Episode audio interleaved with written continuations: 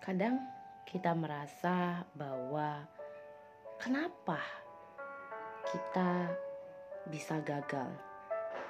Kadang kita merasa Tuhan kenapa setiap apa yang saya lakukan saya selalu merasa tidak berhasil, tidak tepat, dan selalu hasilnya tidak memuaskan. Pernahkah Anda mengalami hal tersebut?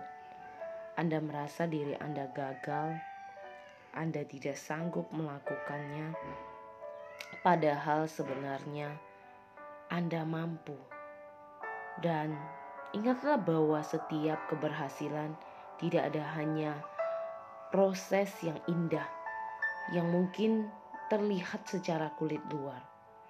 Di saat Anda melihat orang-orang sukses berhasil, mereka juga mengalami titik terendah mereka. Mereka jatuh, mereka bangun lagi, mereka jatuh, mereka bangun.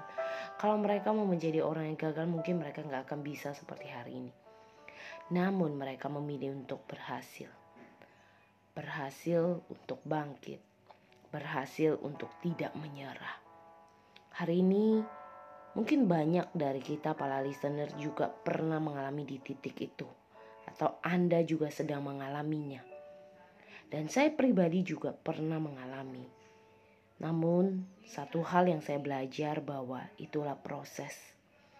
Dan percayalah dari setiap kegagalan itu akan menjadi sebuah cerita indah bahwa setiap proses tidak hanya semuanya menyakitkan dan gagal. Jadi, mulailah dengan bangkit. Bangkit dari kata menyerah, bangkit dari kata gagal, dan bangkit dari keterpurukan Anda.